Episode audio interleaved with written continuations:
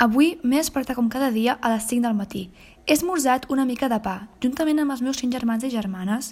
Entre tots, hem endreçat una mica la casa que tenim. No hem tardat gaire, ja que vivim en un lloc molt reduït i amb escàs mobiliari.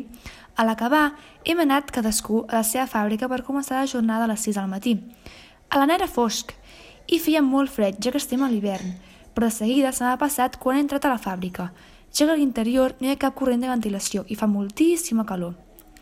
He arribat i m'he col·locat a la meva filadora de cotó, un invent molt recent, on em passo les 14 hores diàries. A totes aquestes màquines treballen nens i nenes aproximadament la meva edat, al voltant d'uns 9 anys, ja que només hi caben els més petits i és fàcil d'utilitzar. Vaig començar a venir a la fàbrica als 7 anys, amb la mateixa màquina que estic a dia d'avui, i durant tan sols dos anys he vist molts accidents.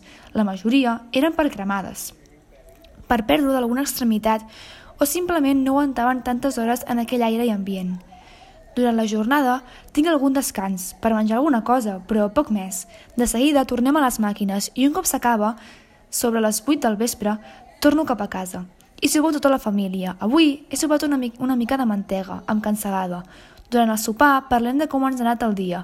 A qui millor li va sempre és el meu germà gran, que treballa a una de les fàbriques d'un senyor anomenat Owen, i ell té unes condicions laborals més bones que la resta de germans.